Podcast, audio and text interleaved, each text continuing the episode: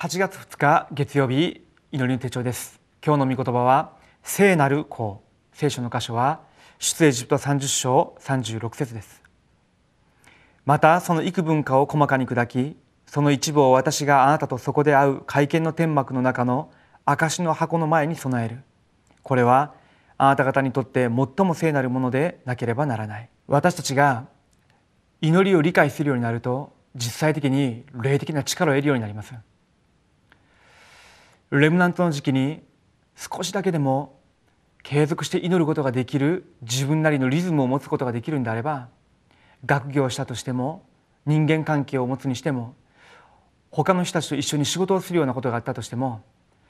多くの部分において益になるし力が現れるようになりません。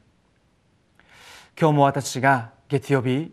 祈りの手帳をこのようにして共にしてますけれども御言葉を握って祈るこの時間に皆さん一人一人が目に見えない霊的な力未信者たちが全く理解できない霊的な力を得る時間になるように一緒にお祈りしたいと思います。今日聖なる子というタイトルです。簡単に言えば祈りです。私の祈りが一つも地に落ちることがないそのことを覚えながら読み進めていきたいと思います。では序文です。人生の中で願わなくても問題が起きる時があります。それはまさに悩みです。大小の問題によって悩むことが多いように見えますが神様は思い煩うなとおっしゃいます。もちろんそれにはとても重要な前提条件があります。神様の子供であるために何事も思い煩うなということです。神様の子供には御言葉を与えられ祈ることのできる権威が与えられました。今日私の悩みを御言葉の前に下ろして祈りとつなげると精霊に導かれます。一つ目です。聖なる子。本文の聖なる子はすなわち祈りです。祈りを知っているということは神様の子供に最も大きな武器です。答えられる前に祈りが何かを先に理解することが重要です。神様の子供には祈りの答えを受ける資格があります。祈りの答えのためにイスラエルの幕屋には子羊の血があり消さない食材と聖なる香を炊き続けて本文のように香を作って証の箱の上に置きました。イエス・キリストの救いの働き以降に幕役で行われたことをしなくてもよくなりました。キリストもあなた方を愛して私のためにご自身を神への捧げ物また供え物とし香ばしい香りをお捧げになりました。キリストが香ばしい捧げ物によって全ての契約を成就されたためです。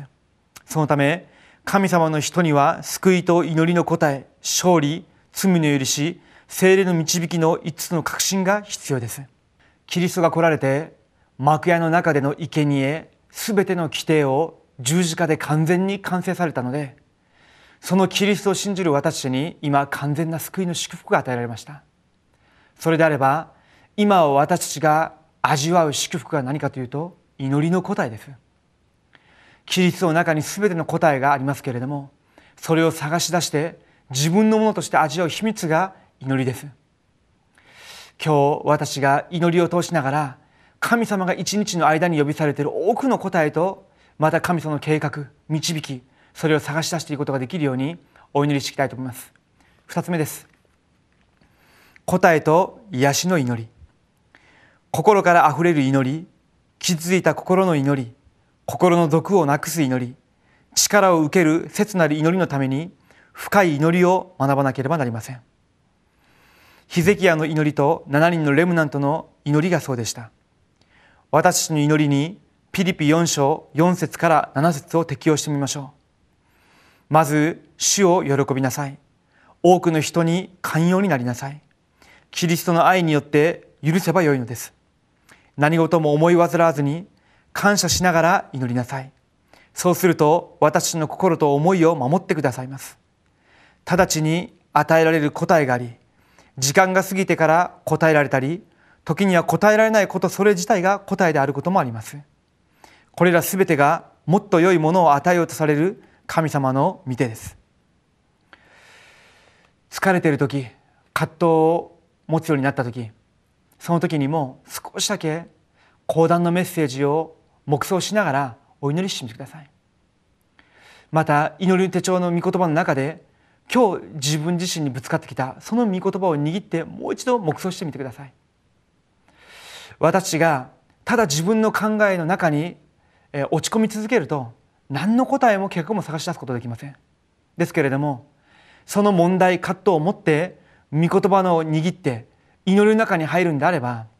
実はその中に重要な答えがあったということを探し出すことができません。今日も私自身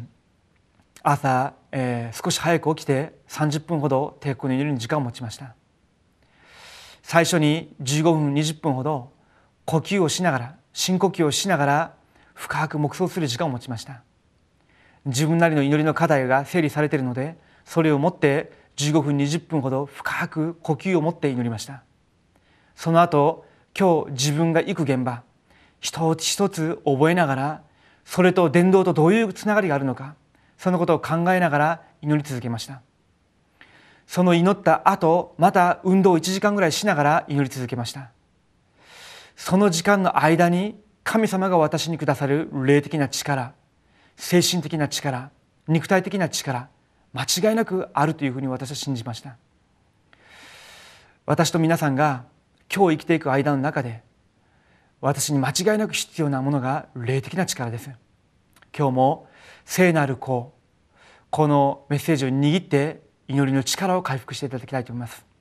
では今日のフォーラムの主題です。現場で深い祈りができていますか？私のすべてを知っておられる神様に香りのする捧げ物をすることが祈りです。今再び祈りの計画を立ててみましょう。お祈りします。生きておられる神様に感謝を下げます。神様が私に救いの恵みを与えてくださりその中にあるすべての祝福を祈りによって味わうように私に特権を与えてくださったことを感謝します。今日この時間にも私が神様の御前で祈りに専念することができるように導いてくださり深い祈りの中に入る時に与えられる霊的な力と霊的な世界で起きる多くの働きを私自身が体験する時間になるようにしてください。未信者が知らない